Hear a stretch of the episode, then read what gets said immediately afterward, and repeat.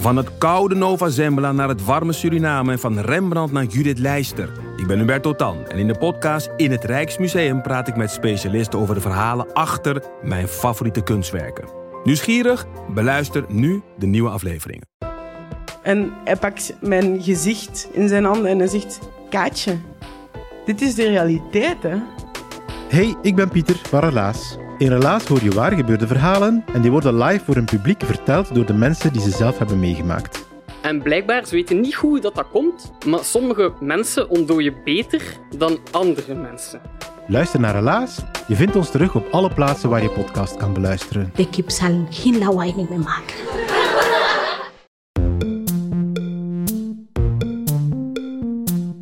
Hallo daar, fijn dat je luistert naar Boeken FM, de literaire podcast van Dasmag en de Groene Amsterdammer. Wij nemen op in de studio van Dag en Nacht Media. Wil je nou nooit meer een aflevering van ons missen? Abonneer je dan nu in je eigen podcast-app en geef ons ook vooral een heleboel sterren en recensies. Dan zijn we ook zichtbaarder voor anderen die ons misschien willen luisteren. Heb je een vraag voor ons of ben je heel erg boos, vooral op Joost? Stuur dan een mail naar boekenfm.dasmag.nl. En we zijn tegenwoordig ook te vinden op Instagram, boekenfm. Ik, ik dit weekend het een en ander van, van Annie Ernaux zitten lezen. En ik las uh, het boek van haar Laplace uh, over haar vader. Ook oh, dacht over de V&D. Jezus. Hallo allemaal en welkom bij Boeken FM, de literaire podcast van De Groene Amsterdammer en Das Mag. We zitten vandaag in de studio van Dag en Nacht Media en ik heb bij me Joost de Vries en Ellen Dekwiet. Hey Charlotte. Hey Charlotte. Welkom. Hi. Ook vandaag aanwezig is onze producer Merel. Hallo. Kun je achteraan vergeten? Borst. Borst. Oké, okay, leuk. Ja. Ben, jij, ben jij eigenlijk familie van Elsborst? Uh, niet dat ik weet. En van Hugo Borst? Ook niet dat ik weet. Oh. Mysterisch. Het komt wel voor blijkbaar. Ben jij familie Joost van Jack de Vries? Ja. Oh, echt? Mijn broer. Dat dacht ik al, ja. En Charlotte, ben jij familie van... ja, iedereen vraagt, iedereen wil het weten. Pieter Omtzigt. Ja, ik weet het. Um, vandaag gaan we het hebben over een generatiegenoot van mij Merel. Enfant terrible van de Franse letteren. Uh, Eduard Louis. Echt enfant terrible, volgens mij letterlijk het tegenovergestelde. Ja, het, Dit is echt iemand die gewoon echt het knuffeldier van de Franse literatuur is. Oh ja, van zijn ouders is hij enfant terrible. Ja, ja dat is zo, dat, dat is zo. Voor ja. zeg maar de Marie Le Pen stemmer is hij... Maar hij is echt l'enfant adorable. Ja, hij is inderdaad de knuffelsocialist van de Franse letteren. Uh, hij, heette, uh, hij is geboren als Eddie Belgueul, wat zoiets betekent als mooie smoel. Ja. Uh, en hij heeft daarna zijn naam veranderd in Eduard Louis. We gaan vandaag zijn hele oeuvre bespreken, klopt dat? Ja, zo ja, een beetje wel, zo. wel dus al die boeken zijn hetzelfde. We konden er niet omheen. Jullie horen ons oordeel al. Dat nee, nee, nee. Stellen we meestal uit nee, nee, tot nee, het einde. Nee, nee, nee. nee, nee, nee dat is, uh... mensen nu al afhaken. De thematiek die meestal uh, het belangrijkste is in de werken van Eduard Louis... is zijn eenvoudige komaf en hoe hij zich daartegen afzet. In het dorp waar hij vandaan kwam de armoede, het leed, racisme. Fabrieksarbeiders, stroef, um, homofobie. Ja, hij is zelf inderdaad uh, uh, homoseksueel en daar gaat het ook over. En hij is eigenlijk opgeklommen uit een soort uitzichtloze situatie om uh, jonge intellectueel te worden. Ja. En hij gebruikt nu zijn huidige positie om zich uit te spreken op allerlei politieke manieren. Hij is een hardere klassemigrant dan Eva Peron. Hier mag je die krekels Ja, nu moet je even die krekels. dit, ja. dit was zo'n contemporaine referentie dat iedereen echt eventjes... Uh... Ja, ik ben teleurgesteld in jullie. Maar goed, Eduard, Eddie. Uh, kijk, hij is een beetje een hit. Daarom gaan we hem ook bespreken. Hij was een aantal weken geleden bij Buitenhof. Nou, de Timothy Chalamet van de Franse literaire. ja, nou, dat, ja. ja, natuurlijk. Uh, Ivo van Hoven heeft inmiddels een van zijn boeken een toneelstuk gemaakt. Van welk boek trouwens? De geschiedenis van geweld? Nee, uh, oh nee, trouwens, van twee boeken al. Eerst zijn vader en nu het boek over zijn moeder. Daar gaan ze ook mee aan de gang. Kijk, want, want deze Eduard Louis heeft het niet alleen over zichzelf, zijn geaardheid en het klassenproblemen in Frankrijk, maar ook over zijn ouders, die allebei daarmee ook vervlochten zijn. En het is grappig, um, mensen kunnen hem trouwens al kennen, want ze hebben mijn vader vermoord. Er was ook bij DWDD ooit een... Ja, nee, maar volgens mij zijn zijn boeken van het begin af aan gewoon echt enorm opgepikt en geprezen. In Nederland, ja. Waar, waarom? Nou ja, ik denk, wat, wat denk ik heel veel mensen heel interessant vinden. Kijk, zijn eerste boek kwam een beetje uit toen Trump net de verkiezingen had gewonnen in 2016. En dat was natuurlijk echt zo'n moment dat er zo'n heroriëntatie was van... oké, okay, er is blijkbaar een enorme witte arbeidersklasse, vooral mannen die zich niet gehoord voelen. En die bereid zijn om heel erg rechts te stemmen. Mm. En dat, hè, toen had je Hillbilly Elegy en heel veel van die boeken in Amerika die eigenlijk die klasse, die ook heel vaak heel locatiegebonden is. Dus die bevinden zich meestal in de Rust Belt of in, in bepaalde agrarische gebieden, buitenwijken van grote steden. En dus er opeens was er een enorme interesse, en, en terecht ook, in, met de, de- vanuit de journalistiek echt met het idee van oké, dit is een, een demografisch segment waar we niet goed naar gekeken hebben. Dat is wat we ooit in 2002 ook hadden nadat Pim Fortuyn was vermoord. Dat iedereen opeens zei, oh shit, we moeten gaan Fox poppen.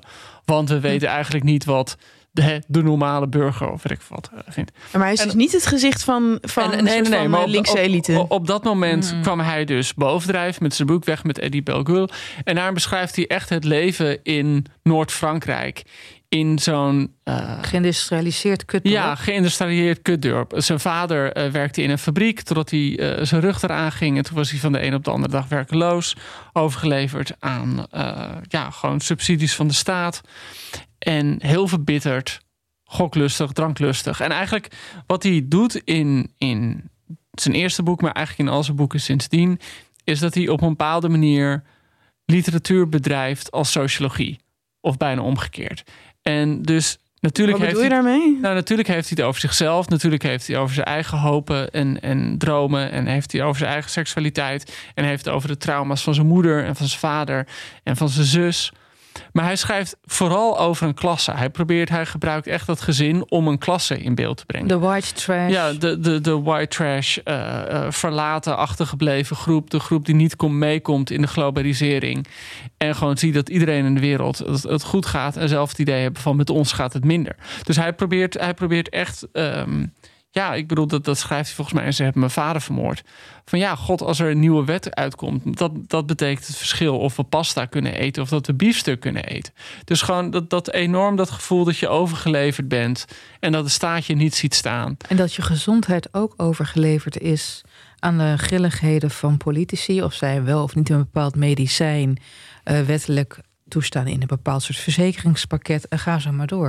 Nou, het is een heel grimmig beeld dat hij schetst van zijn eigen jeugd. Hij zegt ook, hij begint eh, dat zijn eerste boek ook met van ik heb geen gelukkige jeugd gehad. Of ik kan me geen één moment herinneren in mijn jeugd dat gelukkig was. Nee. En, en zeker, nou, mijn geschiedenis eh, van geweld eh, eh, heeft dat volgens mij nog het meest. Dat er ook heel veel, hij haalt heel veel eh, wetenschappers aan, worden heel veel filosofen aangehaald. Dus het zijn ook van die boeken die een beetje memoir zijn, maar ook echt een essay. En eh, Ze zijn volgens hem wel eh, van A tot Z waar gebeurd. ja, dat, dat lijkt me. Ja. Waarom spreken we dan van romans? Nou, ehm, la- la- la- weet je, laten we het maar eens even hebben dan over eh, de koe bij de horens vetten, wat Eduard Louis zijn eigen literatuuropvatting is. En in zijn boek, laatst vertaalde boek geloof ik, Strijd en Metamorfose van de Vrouw, verschenen bij de Bezige Bij, lezen wij dit.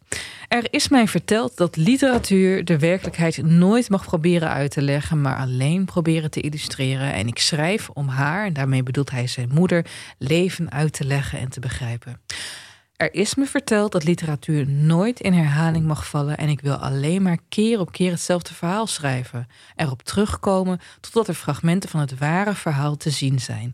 Er het ene gat na het andere in maken tot het moment dat wat eronder ligt begint door te schemeren. Er is me verteld dat literatuur nooit mag lijken op het etaleren van gevoelens en ik schrijf alleen maar om gevoelens op te drukken die ah, op te roepen, pardon, die het lichaam niet kan uitdrukken. Er is mij verteld dat literatuur nooit mag lijken op een politiek manifest. En toch slijp ik nu al elke zin bij, zoals je het lemmet van een mes slijpt. Want ik weet nu, wat literatuur wordt genoemd, is zo opgebouwd dat er geen plaats is voor levens en lichamen als die van haar. Want ik weet voortaan dat als ik schrijf over haar en schrijf over haar leven, ik tegen de literatuur schrijf. Nou, het is nogal een statement. Ik weet niet of eh, Charlotte's lievelingsboek Kees de Jonge ooit vertaald is in het Frans.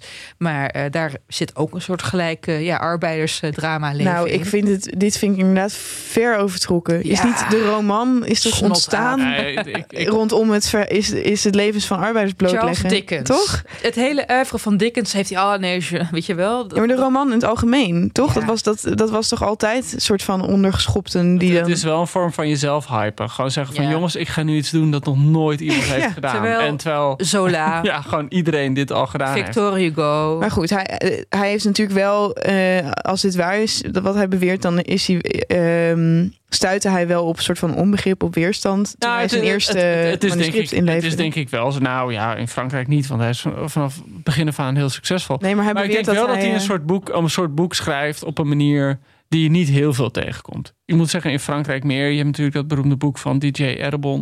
Oh en ja, Ribon, terug, terug naar Rijns. hij ook. Ja. Remt. Dat- dat- dat- daar gebeurt een beetje hetzelfde. Dus ook zo iemand die teruggaat, inmiddels succesvol in de academie is. En teruggaat naar het dorpje waar je vandaan komt. En gewoon ziet van, goh, wat een trouwsloze bende. Ja, maar wat ik wilde zeggen is dat wij, toen hij het bij zijn Parijse uitgever inleverde, dat die toen zei van ja, maar zo is het er helemaal niet meer aan toe in het plat, Franse platteland. Dus je bent aan het overdrijven. Terwijl hij dus heel erg zijn best heeft gedaan om het allemaal waarachtig op papier te krijgen. Dus daar heeft hij misschien het idee van gekregen dat hij de eerste ter wereld is die over een ondergeschopte onderklasse aan het schrijven is. Nou ja, kijk, alsnog kan ik me goed voorstellen dat, dat, als je uit, zo'n gebied komt, dat je jezelf weinig tegenkomt in contemporaire romans. Nou, als je is Sally Rooney leest. Ja, als je, ja. nee, en, en, en wat er bij hem natuurlijk bij zit, en dat, dat, dat schrijft hij heel ja, pregnant over. Dus Zo'n pijnlijkheid die hij de hele tijd voelt. Je ziet als je, als je hem op de foto ziet, zie je gewoon zo'n mooie jongen. Zo'n mooie, zachte jongen. Waarvan je meteen weet, op de voetbalclub in zo'n provinciale stad heeft, heeft die het niet makkelijk. Weet je, je, je voelt meteen. En Die zijn elkaar gebeukt. die wordt in elkaar gebeukt. Ja. En je weet, die wordt gepest. Je weet, die komt uit zo'n omgeving waar homofobe opmerkingen aan de orde van de dag zijn. Dus, dus op een bepaalde manier lees je dat. Zit je dat? Aan de ene kant is dat het startpunt waarmee je die boeken leest. En die boeken hebben ook tot op zekere hoogte allemaal, of tenminste zeker dat eerste boek, een soort van, eh, soort van bevrijdingsromans zijn het ook. Omdat je weet, ja, inmiddels op het moment dat je dat boek in je handen hebt, weet je al, de auteur is een geslaagde Franse schrijver. Die zit in Parijs. Hij heeft zich vrijgevochten. Hij heeft zijn naam veranderd. Dus het is ook echt zo'n bevrijdingsverhaal van. En eigenlijk, eh, het zit er in zijn carrière, als ik het zo moet uitleggen. Dat eerste boek is gewoon Weg met Eddie Belgul, is gewoon zijn ontsnapping. En die boeken daarna, zeker die, dat, dat boek Ze hebben mijn vader vermoord en de strijd en meetval van, van een vrouw. Kijkt hij eigenlijk, eh, die, die boeken zijn zeg maar vijf jaar later gemaakt, kijkt hij terug echt met de vraag van heb ik ze wel goed begrepen? En heb Mijn ik niet ouders. dingen, eh, heb ik mijn ouders niet te makkelijk weggezet?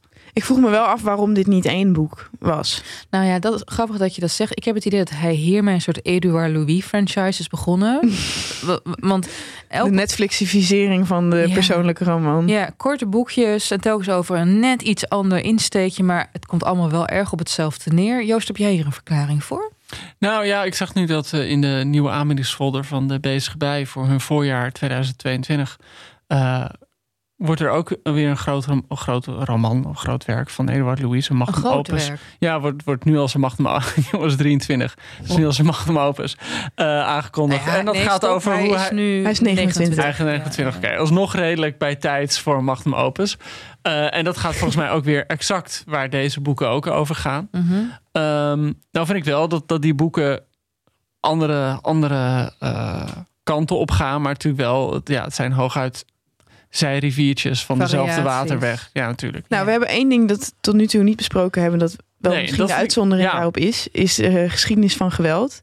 Waarin. Ik heb het eh, idee dat dat echt zijn doorbraak in Nederland was. Eh, die Belgul eh, eh, werd verspreid door de Bezige Bij, uitgegeven door de Bezige Bij. En werd wel een beetje opgepikt. Maar volgens mij de geschiedenis van geweld is echt door iedereen eh, ja, het meest Omhelst. omhelst. ja, dat idee heb ik ook. En dat klassenverschil dat schemert er wel doorheen, maar het staat een iets anders centraal. Eh, eh, namelijk één eh, nacht in het leven van eh Eduard Louis zelf. Waarin hij, ehm, ja, hoe leg je het nou precies uit? Waarin hij na een romantische avond met een wild vreemde die hij op straat is tegengekomen, die loopt uit in Reda, een Noord-Afrikaan. Ja, Reda, eh, eh, een Algerijnse jongen. eh, met, daar, heeft hij een, eh, nou, gewoon, daar gaat hij mee naar bed. En dan blijkt hij daarna, wordt hij door die jongen beroofd, verkracht en met de dood bedreigd. Ja, mishandeld ook. Ja. Ja, en dat. En dat ehm, we zien eigenlijk zijn twijfel over hoe dit allemaal zich precies heeft afgespeeld. Want hij luistert naar zijn eigen verhaal terug, Eduard Louis. eh, terwijl zijn zus, zijn oudere zus, het vertelt aan, eh, eh dierman. Aan haar man. Ja, dus hij, hij hoort met zijn oor tegen de deur zijn eigen verhaal over deze nacht terug. En dan zien we zijn commentaar. En hij twijfelt gewoon heel erg aan hoe hij had moeten handelen. eh, hoe de instanties hebben gehandeld. En hoe zijn band met die, eh, met die Reda nou eigenlijk te definiëren is. Want hij is natuurlijk mishandeld en bedreigd. En hij voelt En zich verkracht. en verkracht. Ja, door iemand die die zelf heeft opgepikt. Ja, door iemand die hij heeft uitgenodigd naar zijn huis. Ja, En maar hij voelt eigenlijk, en dat is denk ik de crux van, van, van dit boek, een vreemd soort verwantschap met die Reda, omdat ze allebei verschoppelingen van de samenleving zijn. En hij heeft bijna een soort Jezusachtige boodschap van als je iets kwaadaardigs doet, dan is dat omdat je zelf kwaadaardig behandeld bent. En het is de samenleving die mij dit heeft aangedaan en niet Reda. ik vind, ik vind, ik vind dat een, een, een zeker smalend sarcasme doorklinking wat je zegt. Ja. Want ik moet zeggen bij dit boek, ik vind het echt, en dat is een woord dat ik, eh, wat ik altijd een beetje raar vind, maar ik vind het echt virtuoos. Ik vind het echt Wat? virtuoos. Serieus? Echt? Ik vind het echt ongelooflijk mooi geschreven. Die perspectiefwisselingen die erin zit. Ja, die Dat je aan de ene kant gewoon zijn, zijn maar- verhaal eh, hebt. Aan de andere kant inderdaad wat jij zei. Dat hij dan hoort hoe zijn zus het weer verder vertelt. En wat natuurlijk weer met een heel ander idioom gebeurt dan zijn idioom. Waardoor hij weer het verhaal dat hij aan haar heeft verteld... eigenlijk in een soort lachspiegel weer terugkrijgt te zien. Waardoor hij zichzelf natuurlijk weer op een andere manier ziet. En dat koppelt hij aan, allerlei eh, Franse intellectuelen en filosofen. Vond ik echt heel, heel bijzonder eh, opgeschreven. Ik vond het echt geforceerd. Ik, ik vond het begin vond ik het een gouden vondst. Maar op een gegeven moment begon ik me daar echt aan te ergeren. En ook, ik, ik, ik, ik snapte niet waarom die zus het pas na zo'n tijd aan haar man ging vertellen. Er zaten meer slordigheden in. Ze blijft Eduard de hele tijd Eduard noemen, terwijl hij Eddie was als kind. Weet je wat? Het zijn allemaal van die kleine dingen. En Oh ja. ik, ik, ik- stoorde me daar op een gegeven moment bijzonder, eh, bijzonder ha- eh, hard aan. Ook omdat ze op een gegeven moment denkt, ik ga het je nu uitleggen.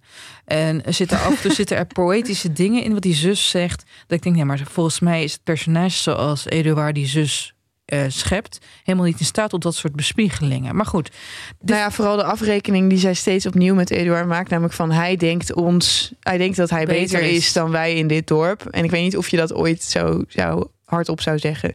Dus maar ik heb dit misschien net iets eh, guller gelezen. Namelijk als dat, dat hij dit niet echt heeft gehoord uit de mond van zijn zus. Maar dat hij zich voorstelt dat. Ja, nee, natuurlijk. Toch? Het is gewoon Ja. een theatrale voorstelling. ja, Ja. maar, maar ik ging op een gegeven moment... ik ging in het begin wel mee. Op een gegeven moment dacht ik, nee, weet je wel, nu geloof ik het niet meer.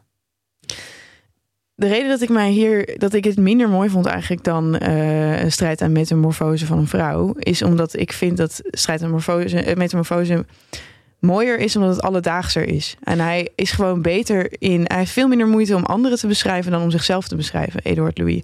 Ik denk, hij is de hoofdpersoon van geschiedenis van geweld, maar je leert hem niet kennen. Je weet dat hij van boeken houdt. Oké, je weet dat zijn zus een simpel bestaan heeft en hij niet. Nou, je, je leert hem toch wel een beetje kennen, want hij is een klassemigrant. Hij is van het arme platteland naar de universiteit gegaan. Doet alles om daar qua taal, qua uiterlijk... nee, en- dat, dat, heb, dat heb jij uit strijd en metamorfose van een vrouw. Nee, Oh, maar ja, ik denk dat. twee achter elkaar Ja, gelezen. dus dat weet je hier niet. Ik denk dat nee, Oh, maar ja. ik denk dat Edouard Louis denkt. Iedereen die dit boek leest, heeft mijn vorige boek al gelezen. Je kunt bedoel, het lezen gewoon bedoel, als hoofdstuk je, als je, van- zo- zo- hè, zoals jullie al zeiden, van als er zo'n franchise is. Kijk, je hebt de eerste eh, Iron Man, dan ontdek je waarom Iron Man Iron Man werkt. En dan in de rest van de films hoeft dat niet meer uitgelegd te worden. Nee, we hebben inderdaad zijn origin story niet nodig Ja. om dit, eh, want we weten wie die is, dat is waar. Maar als losstaand boek vond ik het eh, eigenlijk te lang gerekt. Het had eigenlijk een Ja. hoofdstuk kunnen zijn in, het, in de grote Edward Louis autobiografie. Want ik Of vind ook memoires, laat het zo zeggen. Ja, ja, en want ik vind ook dat de taal die hij gebruikt om eh, het seksuele geweld te beschrijven dat hem is aangedaan, die, dat vond ik gewoon niet vernieuwend. Sorry. Oh, maar ik vond het wel in detail heel goed beschreven. En ook hoe hij die, die geur van het wasmiddel en Ja, daar zat ik aan te denken. Ja, maar die perziklucht, Ja. dat is dus wel echt elke keer dat er een verkrachtingsscène ergens in zit, dan gaat het over van ik concentreerde me op de details. ja. Ik, weet dan- nog, ik weet nog heel goed dat Arthur Chapin keer zo'n boek had over zo'n vrouw die werd door een groep Indianen. Ja, Indianen Ja. verkracht. En toen gingen ze zich zo concentreren op een miertje dat op een graspriet liep. Dat ik echt dacht, oh mijn god. Ja, maar dit dit is elke dit keer. zo kitsch. Het zal dus wel zo zijn. Ehm, ik bedoel, ik, nou ja. Maar, maar het is, ik, ik vond het eh, niet literair verheffend. Of En zo. niet vernieuwend, niet Of ver- origineel. nee. nee.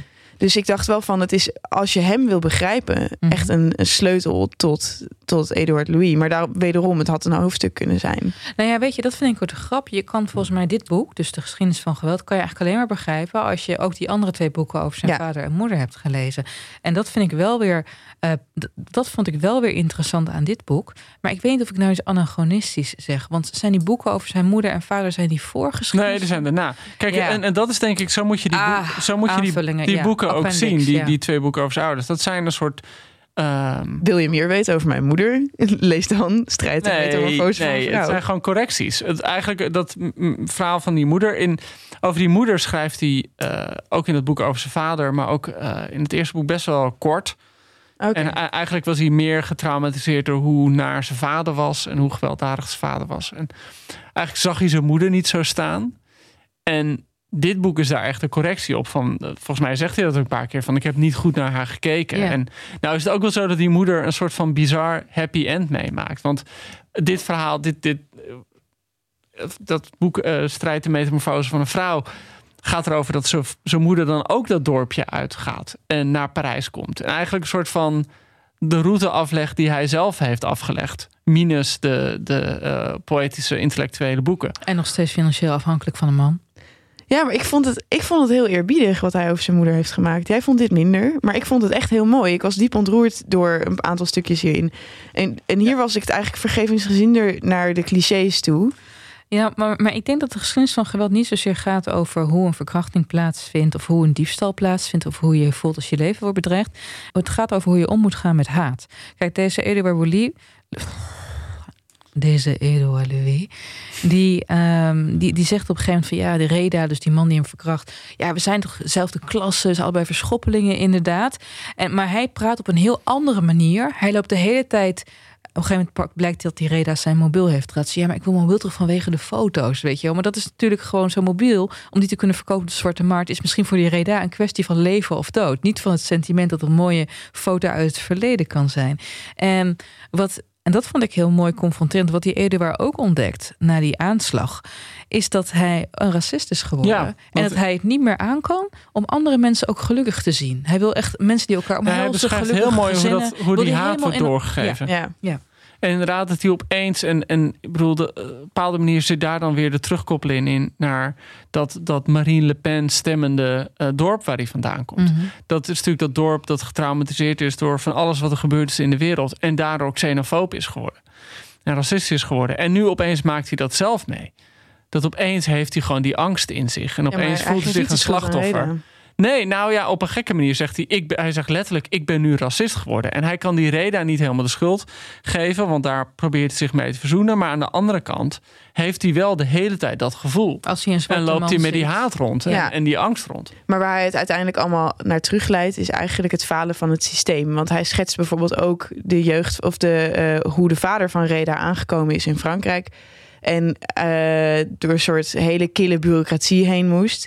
En vervolgens, als, als Eduard zelf aangifte moet doen, dan komt hij ook weer terecht in een hele kille bureaucratie Ja. waar hij zich niet in thuis voelt. Dus het is een soort algemeen gebrek aan menselijkheid dat hij betreurt. Niet, eh, niet, hij is niet boos op Reda, op wel, geen één moment. En dat vond ik echt heel vreemd. En ik vond, ik vond het te politiek. En hij zegt het ook in wat je net voorlas over zijn poëtica. Hij slijpt zijn mes en hij maakt met elk ding dat hij schrijft een politiek statement. En hij presenteert dus de Noord-Afrikaanse man die hem verkracht heeft als een falen van het systeem. Ja, nee, en dat heeft natuurlijk iets... Ik, ja, ik heb daar zelf wat moeite mee. Want kijk, eh, wat het systeem ook is... op het moment dat je iemand verkracht en in elkaar slaat... weet je zelf ook wel dat dat niet de bedoeling is. Daar heb je geen, eh, daar heb je geen Macron of eh, Mitterrand of Hollande voor nodig. Nee, of de homofobie die ja. hij dan heeft gekend, waardoor hij zeg maar seks met mannen object vindt en dan Ja. zowel erotisch als whatever. Ik denk van ja, het is fijn dat hij het op die manier kan duiden, maar ik vond het wel een beetje eh, ja, week en populair of zo. Mhm. Van je kunt, het is, het is namelijk iets heel makkelijks om, om een makkelijke politiek om te verkopen. Van we zijn eigenlijk allemaal slachtoffers van een systeem. Ja, goed, maar ja, goed, dan kom je natuurlijk een beetje bij het grote thema van slachtoffercultuur. In die slachtoffercultuur, eh, waarin mensen zichzelf identificeren aan hun trauma's, daar is hij natuurlijk een beetje de ster van. Ik bedoel, daar gaan al zijn boeken op een bepaalde manier over. En ja. zoals hij over Frankrijk schrijft, ja, dan, dan is zeg maar 90% van Frankrijk slachtoffer van het systeem. Op dat handjevol rijke prijzenaars naar dan, die, die het niet zijn. En dat is natuurlijk een, een scheiding die ook heel kunstmatig is. En dat is een scheiding die, die eh, wel heel erg in, in schablonen eh, wordt uitgetekend. Een vorm van zwart-wit denken.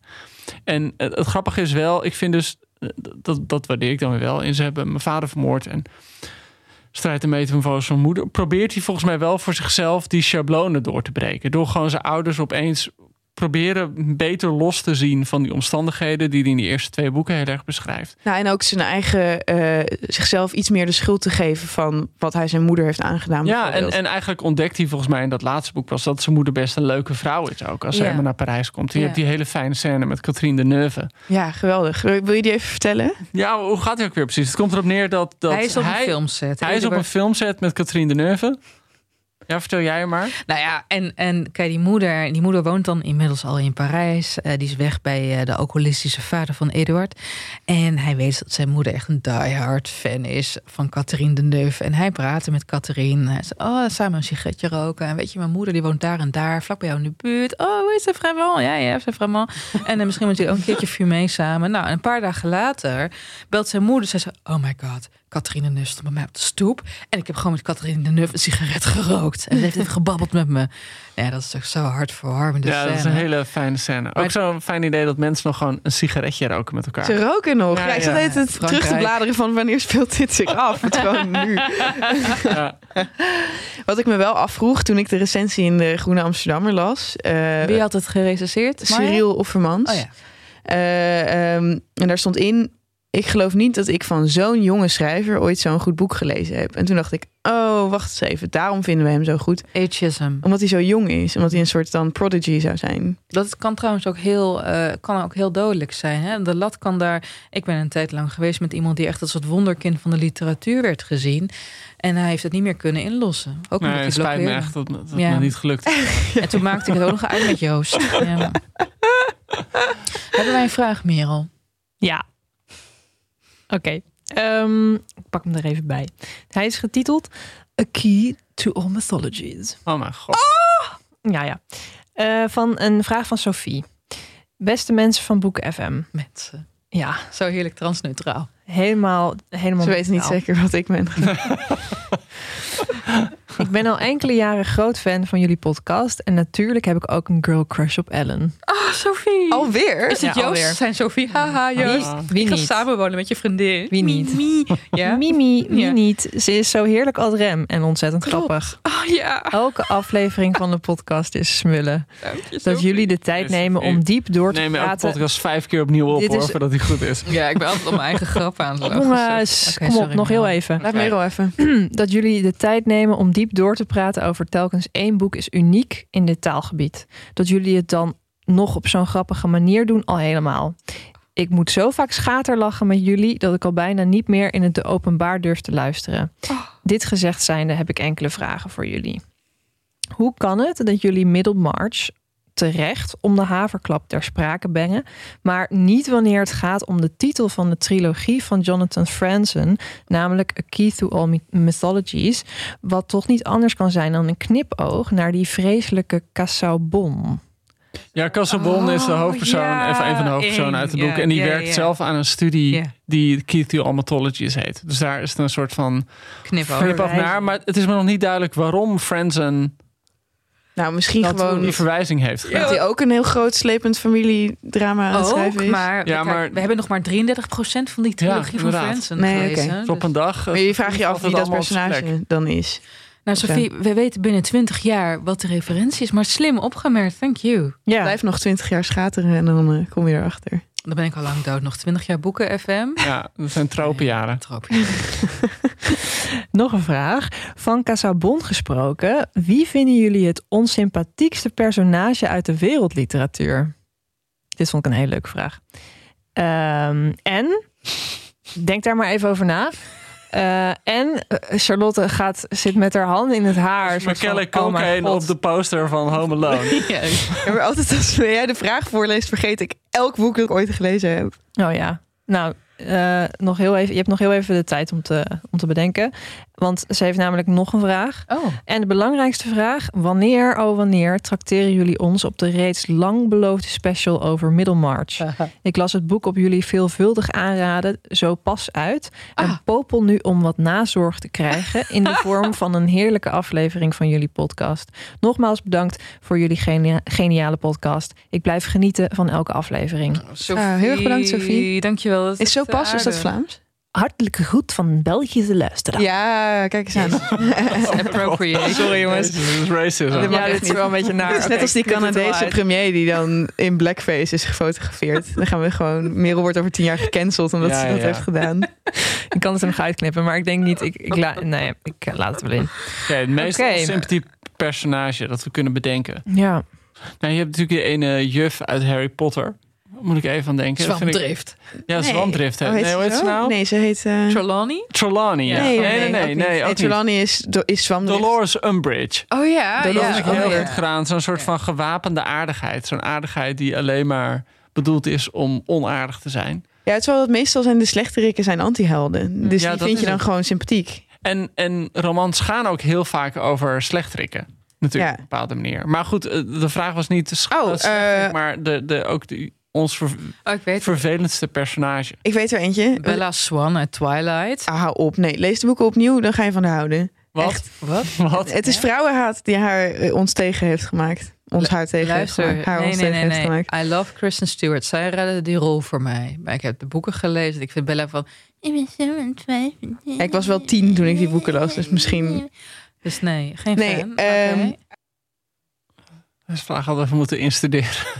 Ja, ik dacht, ik dacht We kunnen wel snijden. echt dat jullie gewoon het meteen zouden weten. Oh my god. Maar ik. eh, Ja, we moeten, we- ja, maar hoe gaan we dit doen? Wel, we even, kunnen het ik niet geef even een seconde om even te bedenken. Ik wil- Ja, knip maar. Eh, ja, weet je... Ik vind Call Me Risley irritant. eh uit Ja, Wolfhall ja, trilogie. ja. Ehm, En wat vinden we van A.W. Gijzelhard? Nee, dat vind ik lachen. Oh ja, maar ik vond Is hem die juist... sympathiek of niet? Ja, ik zat aan hem te denken, want hij, hij is dus inderdaad echt zo de gierige oude man die je moet haten. Maar Ja. omdat hij zo van zijn dochter houdt, vond ik dat. En dat Ja, museumpje aan het bijvoorbeeld. J. Kessels. Wie is dat? Ja, van de Tomezen. Van Tomees, die heeft een hele serie boeken over J. Kessels. En dat is dan zo'n slonzige journalist. die dan slonzige, van die, ja, ik zal niet zeggen slonzige witte mannen doet. Dingen doet, maar dat is wel wat het is. Ik doe ook altijd slonzige witte mannen. Ik ook, ja. Jongens, maar echt minst sympathiek. Oh ja, alle persona hoofd, mannelijke hoofdpersonen van Tommy Wierenga's romans. Oh, Ja, ja, inderdaad. Ja, van Tristan tot die miepkous uit Cesarion. Hoe heet Ja. ik weer? Oh ja, Cesarion. Unger? Nee, nee. Ja, Cesar, ja hij, heet, hij, heet, hij heet Unger. weet Oh my god, iedereen in de boeken van Kluun. Ja, die haten we sowieso toch. Oké, zullen we dit zo even opnieuw proberen dan? Nog een keer? Oh, was dit al? Was dit de... Het is, al- het is nu opgenomen, dus ik kan het Het was best wel ad monteren. rem, toch? Oh, was dat rem? Maar... Het was ad rem, het was ad rem en ad hominem. Dus dat vind ik twee leuke redenen om hem te laten beklijven. Maar we hebben dus die vraag over Middelmaars niet beantwoord. Nou, eh, Sophie, laten we dit zo zeggen. Ehm, als wij dit boek gaan eh, lezen eh, en herlezen, in mijn geval, hebben we daar de tijd voor nodig. En wij zijn echt een soort burn-out nabij door dit seizoen van boeken FM. Want ik weet hoe het met jullie zit, maar ik heb vanochtend nog twee boeken gelezen voor deze podcast. Ja, ik ben ook. dood op. En we willen wel Dus ik- alle, alle aandacht, Joost, en minuten en, en liefde geven aan deze roman. En om eerlijk te zijn, ik heb ook faalangst. Wat Middelmaars betreft. Ja, om het al besprekende eer aan te doen. Oh, ik nee. zou komt eigenlijk vast gewoon dat goed. hele boek Maar moeten eh, voorlezen. ik zou het in... eh, ik, kijk, ik heb het dus nog nooit aanbevolen, Sophie, omdat ik het nog niet gelezen heb.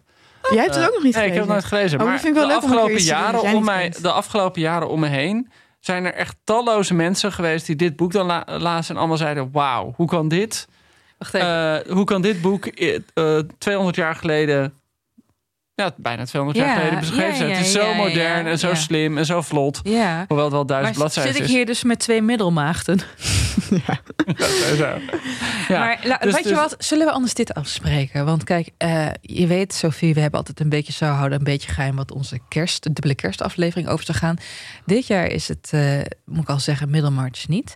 Zullen wij voor kerst 2022 Ja, het duurt wel heel lang. Dat duurt wel heel lang. Maar in ieder geval in het nieuwe jaar. Kunnen we eh, niet gewoon deze kerstvakantie... Ja, jij hoeft het dan niet te lezen. Nee, maar ik ga dan het wel herlezen. Kunnen wij het misschien in de kerstvakantie herlezen? Zo'n soort boek lijkt het me wel. Oké, wij gaan nog even kistebis hierover, Sophie. Maar we willen wel heel graag volgend kalenderjaar Ja. ons eh, eh, storten op Middelmarch. Top. Heel erg bedankt voor je vragen. Misschien moeten wij nog heel eventjes hebben over Eduard Louis.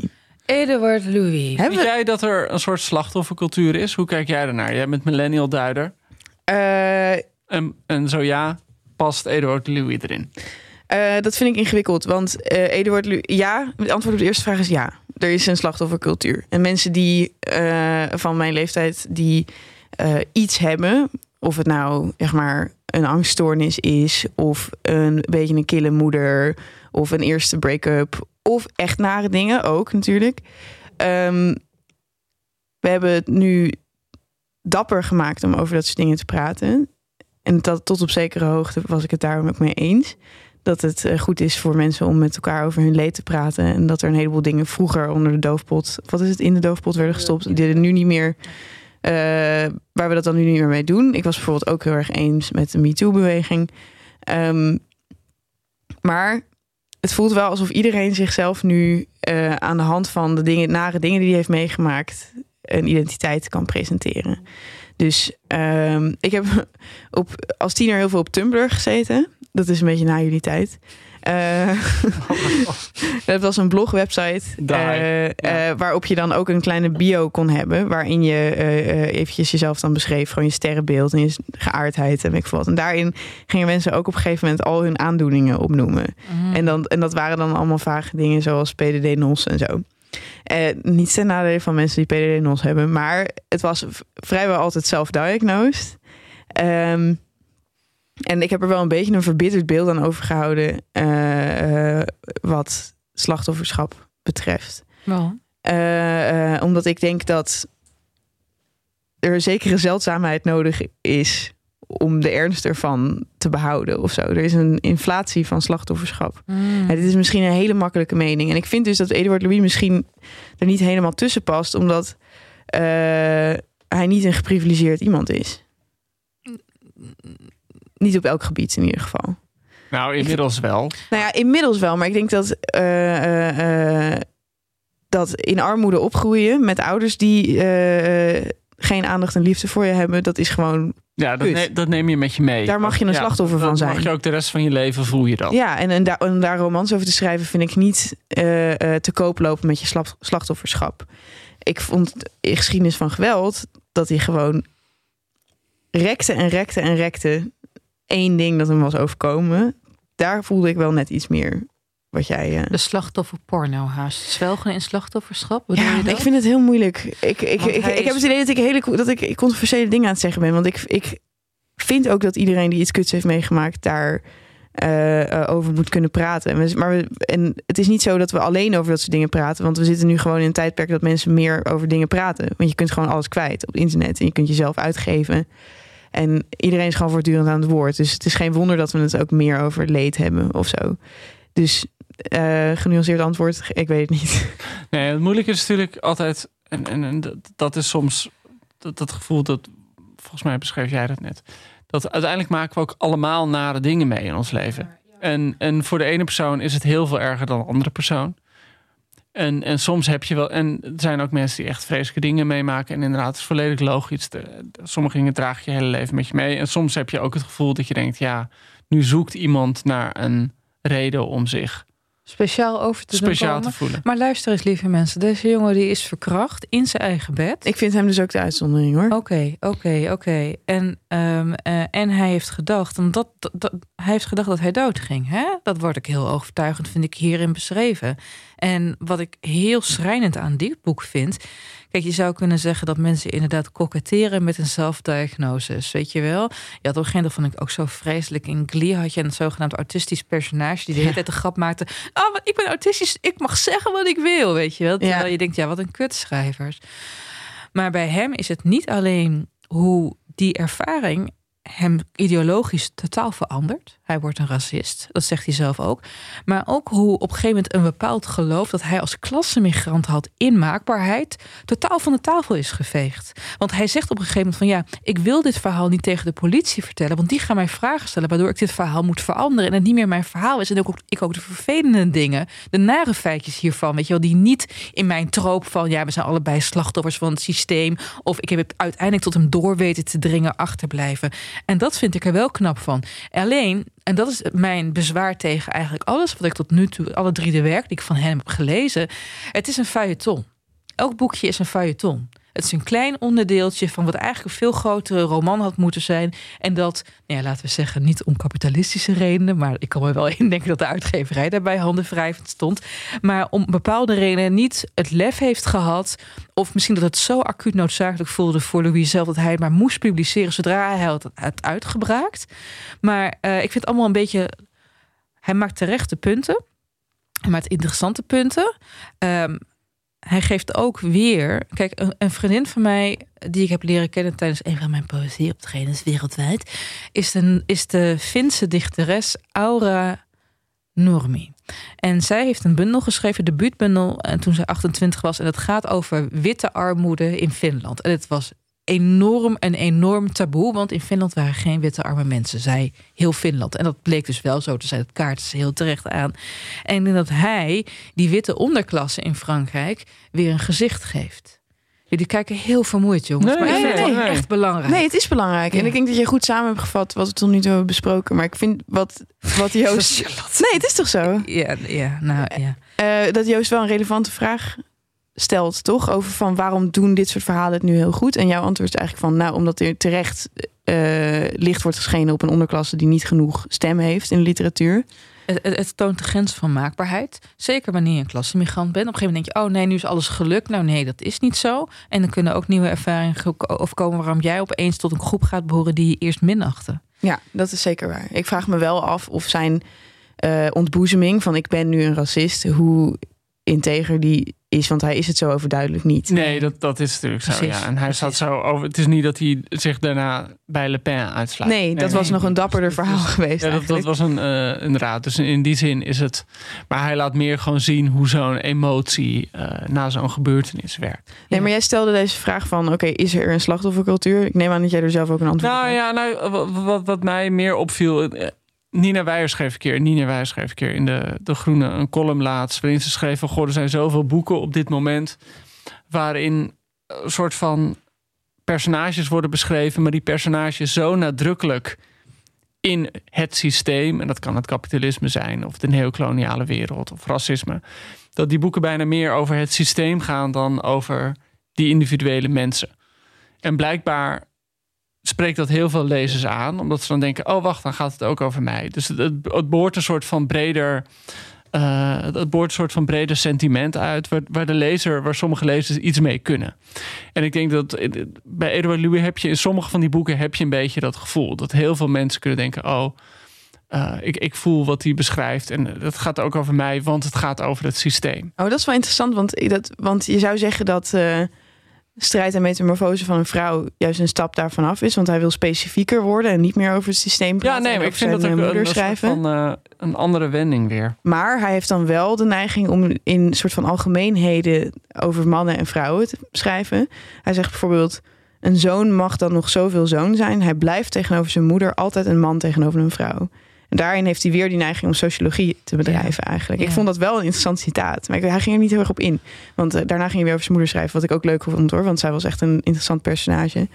Maar um, misschien wel omdat we het prettig vinden om nu over op zo'n hele politieke manier over mannen, vrouwen, slachtoffers, daders na, na te denken. Ja. Dat is waar. Maar ik weet niet of dat slachtofferschap is. Het is meer gewoon dat we het nou, ja, politiek productief vinden om in een enorme behoefte om wel kloven te, te zien. Ja, te zeggen ja. van oh, jij kan nooit mij worden, want er staat te veel tussen ons in.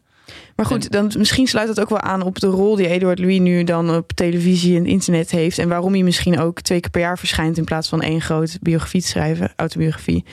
Hij is naast een schrijver ook een soort activist. Ja, hij is een Marxist, een grotere Marxist althans dan Sally Rooney, uh, mogen we eigenlijk wel uh, uh, controleren, wou ik zeggen. Concluderen, lekker mensen. Ehm, ja, en hij geeft dus een nieuwe stem aan de white trash kant. En ehm, ja, dat, dat bevalt. En hij is heel eloquent. Hij was dus een paar weken geleden op televisie bij Buitenhof... waarin hij ging uitleggen hoe er met onze lichamen wordt omgesprongen... ook politiek is. En politiek, dat politiek bepaalt is hoe gezond wij zijn. Zeker als we tot de lagere standen van de maatschappij behoren. Maar ja, nogmaals, kijk, hij is ook een ster... Hij heeft de X-factor van heb ik jou daar. Ja, hij ziet eruit als een discount, Joost de Vries. Maar dat zegt nog niks. Hij is nog hartstikke leuk. dus uh, hè, kijk, verkapte eh, compliment. En, uh, ik kan het wel. Hebben jullie sinds de nieuwe aflevering van Succession al bekeken? Nee. Er wordt Nee. Kendall, die wordt dan een bootleg Ross genoemd. Van Friends. Van die, die acteur lijkt ook echt op hem. inderdaad. Ja, en, maar wat, wat, kijk, Edouard Louis is natuurlijk een Fransman. En zijn boeken vallen echt duidelijk in de Franse traditie. En in die Franse traditie is het veel normaler om een boek van 80 bladzijden uit te brengen. Ik bedoel, zijn Ja? werk. Ja, dat is goed om te weten. staan ook dunne boekjes. Ik, ik dit weekend Leila het een en ander ja. van, van Annie Ernaux zitten lezen. En ik las eh, het boek van haar Laplace eh, over haar vader. Ook dacht over de VND. Jezus. Eh, eh, over haar vader. En dat ook totaal haar vader gaat ze ook zeggen van... ik ga hem niet beschrijven als mijn vader... maar ik ga hem beschrijven als een man van een bepaald tijdperk... van een bepaalde klasse in een bepaald economisch perspectief. Dus, dus eigenlijk, en ik bedoel, Annie Eno komt met een paar blurbs... eh, op die heruitgaves van Edo Louis... en dat verbaast me niks. Het is heel erg Ja. die traditie. Ja. En Die in Nederland bijna niet echt nou, wordt bedreven. Je, je zou zeggen, eh, nou, als het gaat over jezelf, eh, je afkomst, weet je wel. En die lage klasse zou ik zeggen, Alex Bogers. Ja, maar die doet het volgens mij veel meer echt in de vorm van een roman. En Ja, dit zijn natuurlijk waar. echt gewoon meer Ja, die soort meer van essayistische Ja. memoires. Ja. Ja, ja. dat is het. Dat is het zeker. Maar de vraag die ik je eigenlijk wil stellen, Ellen, is wat jij vindt van. ehm, heeft de schrijver een soort van. Oké, hoe ga ik dit formuleren? Hm. Eh, is het taak van een schrijver om zich op te sluiten en in letteren te denken en gewoon te werken aan zijn kunst? Of is het taak van een schrijver om er overal te verschijnen en eh, politieke statements te maken? Oh, wat, wat, wat een grappige vraag die heel makkelijk te beantwoorden is, Charlotte. De grote engagementsvraag. Ja. En zonder gekheid, je mag je van mij best terugtrekken op je zolderkamer hoor, lieve schrijver. Maar ik vind dat in de tijden waarin we nu leven, waarin eh, de kracht van het woord echt gebruikt moet worden, je eigenlijk verplicht bent om ook voor je mening uit te komen, geëngageerd te zijn. En licht te schijnen op iets anders dan de eigen navel. Dat is wel interessant. Er komt heel veel samen hier. We hebben het natuurlijk over Sally Rooney gehad, die zich deze vraag stelt: Mhm. van mag ik wel over een mag ik wel een liefdesroman schrijven in tijden van klimaatverandering eigenlijk? En, eh, eh, en we hebben Bulgakov gehad, die niet anders kon dan tegen zijn regime inschrijven. Dus die had misschien liever een sprookje geschreven, maar die, die moest wel maatschappijkritiek leveren. Ehm, maar wordt, wordt gewoon op stijlniveau en op, op literaire waarde wordt het meer waard als het geëngageerd is? Het cliché is, eh, in de letteren, wil dat een eh, super geëngageerde roman qua stijl minder is. Ja, daarom vraag ik Want, het het is, want, want hè, als je, het is mooi schrijverij. Nou, het citaat dat wij al vaker hier hebben aangehaald. Dan maak je een kroonluchter niet brandt. En wat wil je wanneer je een revolutie hebt? Brand. Weet je wel, Oh ja. fikse vlammen. Helder licht, zoveel mogelijk lux erop. Maar ik denk dat die twee elkaar nodig hebben. Je hebt toch een hele mooie stijl. Kan, kan, kan ervoor zorgen dat je als lezer allereerst... en dat vergeten we wel eens, door wil lezen. Ja. En ten tweede wordt vervoerd in de boodschap. Ik luister soms wel eens. Kijk, het is, het is een beetje dat delicate evenwicht tussen toon en inhoud. Hè? Vorm en inhoud. Ik zal een, een actueel voorbeeld geven vanuit de politiek. Als ik Mark Rutte hoor praten. Eh, als ik zijn teksten op transcriptie denk ik, nee. Maar dan hoor ik hem praten met die redelijke stem. Hè? En we hebben er zin in. Het is gewoon de papa die zegt, nou, je hebt een lekker band. Maar ik plak hem. En nu heb je een snoepje. En nu heb je wat krek. En het komt helemaal dik in orde. En snap je, dus dat... Maar als je, als je die twee combineert... en bijvoorbeeld bij een roman waar dat volgens mij echt wel lukte... om zowel de pijn van klassen te laten zien... als de noodzaak om te blijven veranderen... is Op aarde schitteren we even van Ojin Wong. Weet je wel? Geen perfecte roman. Maar ik wilde wel doorlezen en doorlezen... ook hoe hij het politieke en persoonlijke met elkaar vermengt... in zijn verhouding tot, de tot zijn moeder... in zijn verhouding tot homoseksualiteit... met die liefdesgeschiedenis met die guy met wie hij op een tabaksplantage werd... Dus dat vind ik een voorbeeld dat het wel kan. Dus mijn antwoord is heel kort gezegd ja. En stijl is een noodzakelijke voorwaarde. Joost, wat vind jij hiervan? Nou, eh, mijn bezwaar is ehm, die vaak uitpakt. En dat, merk ik sowieso als eh, niet alleen in de literatuur, maar ook theater vaak. Dat als het dan politiek wordt, kijk, de meeste kunstenaars en schrijvers zitten politiek gezien behoorlijk in dezelfde hoek. En ik kan het gewoon niet aan als iemand in een roman nog een keer gaat uitleggen dat het kapitalisme eh, niet werkt. Of nog een keer gaat uitleggen dat racisme fout is. Het wordt een Want- beetje zelffeliciterend. Het wordt heel zelffeliciterend. Dus voor mij is het iets dat aanwezig moet zijn, denk ik, in het perspectief, maar niet als onderwerp. Ik denk dat ik met je eens ben. Dat is wel. Ik, ik, ik ben al de hele podcast-aflevering. kom ik een beetje cynisch over. eh, wat Eduard Louis betreft. En dat is inderdaad omdat hij zijn politieke boodschap er zo expliciet in stopt. En ik denk dat ik hem dus een eh, soort van Angela's Ashes-achtige beschrijving van zijn moeder. had ik, eh, had ik eigenlijk mooier gevonden. Als hij gewoon 300 pagina's lang over zijn moeder had geschreven. Alleen over de gevolgen en niet de oorzaken. Ja, want Ja. ik denk ook van we zijn ook niet van gisteren. We, wij weten wel dat er een kloof is tussen arm en rijk of zo. Maar goed, wie weet. Ik denk dat als, als eh, hij waarschijnlijk wordt hij gelezen door een heleboel jonge mensen, zoals ik. Ja. En ik weet, wist niet. Zoals ik. Niet zoals wij. Laten we even heel duidelijk zijn over ik wie er hier jong is. sympathiek dat je net Merel eh, tot jouw generatie behoorde. Dan dacht ik, wauw, Merel. Merel ik wel- schelen toch niet zoveel? een paar jaar afgesnoept. Nee, volgens mij niet. Nee, Eh, jij bent, ik kom uit 98. ja, ik eh 94. Dit hebben jullie echt drie afleveringen geleden ook al tegen Ja, elkaar. Nee, ga, ergens anders Ja, scharen. Echt, ja. Nee, maar goed, dat, eh, eh, dat wat dan die Parijse uitgever zei: van volgens mij is het helemaal niet zo slecht aan toe op het Franse platteland. Eh, het is wel een soort wake-up call voor iedereen die denkt dat de klassenstrijd gestreden is. Oei, oei. Cijfer. Is het tijd om een cijfer te geven? Ja, dat vind ik wel. Joost, Shit, zeven. Zeven. 6,5. Oké, even kijken. Pak jij de rekenmachine? 6,7. Oké. nou, zal ik hem maar afmaken, want het is een beetje gedaald met... eh, de fut is de energie. Bedankt, Edouard Louis. ja, bedankt jongens allemaal voor het luisteren. Edouard Louis, je n'ai pas de energie. Ja. Bedankt voor het luisteren. Abonneer je op de Groene Amsterdammer. Je voudrais Ehm, een piece de brie. Abonneer je op Boeken FM in je podcast Ja, app. dan- Soif, je Geef ons recensies. Geef ons sterren. En als je vragen hebt of opmerkingen of eh, een foto van je hond wil sturen, kan dat naar boekfm.dasmag.nl. Fromage, fromage. Oublie. Of we zitten tegenwoordig ook op Instagram, boekenfm. Ik vind trouwens het woord oubliehoorn zo'n raar woord. Alsof je dan de hoorn vergeet. Dat is van zo'n ijsje, toch? Ja, alsof je de hoorn vergeet. De verloren hoorn. Dat klinkt Ja. als Oh, een verloren kuifje. hoorn. Dat klinkt Ja. inderdaad als een kuifje, ja. Of, of een mislukte transgender-operatie. Jezus, dat noemde mijn moeder altijd een Tsjechische haastklus. Oké jongens, bedankt voor het luisteren. Die mevrouw omzicht. En eh, eh, we, Ja. we zien jullie graag volgende week terug.